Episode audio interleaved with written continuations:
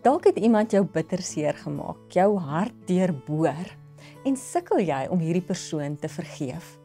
Ek wil jou vandag uitnooi om met jou seer na God toe te draai en nie weg te draai van God af met jou seer nie. Moenie dat daai seer wortel skiet nie, want onvergewingsgesindheid steel so baie van ons. Dit steel ons vreugde, dit steel ons vrede, dit steel ons gesondheid.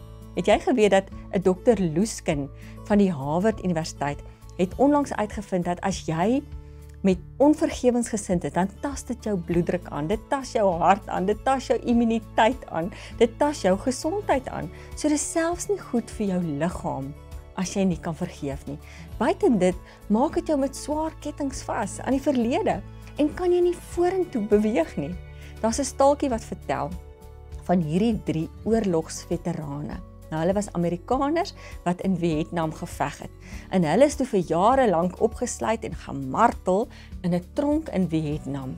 En toe hulle nou vrygelaat is en nou is hulle al baie ouer, staan hulle voor die Washington Vietnamese oorlogsmonument en die een vra vir die ander ene vir die ander twee, nou het julle nou al hierdie mense wat ons so gemartel het daar in die tronk in Vietnam, het julle hulle al vergeef? En die een roep dadelik uit ek sal hulle nooit vergeet vergeet en vergeef wat hulle aan my gedoen het nie. Waarop die derde een toe antwoord so eintlik hou hulle jou nog steeds aan in 'n tronk. En dit is wat onvergewingsgesindheid doen nou dit dit hou ons in 'n tronk. Iemand het eendag gesê dis soos om gif te drink en te dink die ou vir wie jy kwaad is gaan doodgaan maar eintlik gaan jy dood daarvan. Want dit beïnvloed jou lewenskwaliteit en jou lewenspotensiaal So vat daai seer en gaan na die Here toe met dit. Billy Graham het gesê dat almal van ons kry seer in die lewe. Dis maar deel van hierdie gebrokenheid van hierdie wêreld waarin ons leef.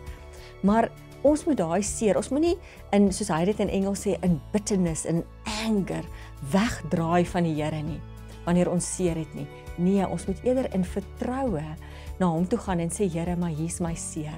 Want weet jy wat, dan kan hy selfs met daai seer werk en kan hy dit vir 'n hoër doel gebruik.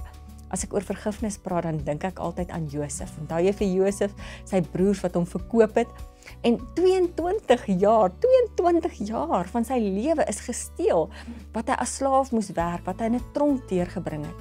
Maar nooit in daai tyd lees ons dat hy aggressief was en kwaad was vir die Here en dat hy weggedraai het van die Here nie. Nee, hy het net elke dag sy beste gegee tot eer van God.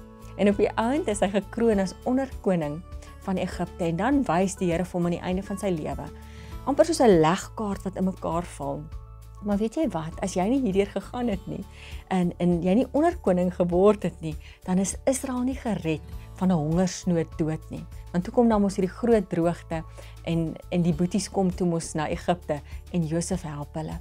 So op die ou end wys God vir hom die groter prentjie en dan sê Josef, maar God was al die tyd steeds in beheer. So weet dat hy in beheer is. Vertrou hom. Vat jou seer en gee dit vir hom. Moet dit nie koester nie. Moet dit nie laat wortel skiet nie. Jesus sê dat uh, ons kan nie bid, Here, vergewe my sondes as ons nie ook ons naaste se sonde wil vergewe die dit wat hulle teen ons gedoen het nie. En natuurlik is om te vergeef nie 'n maklike pad nie.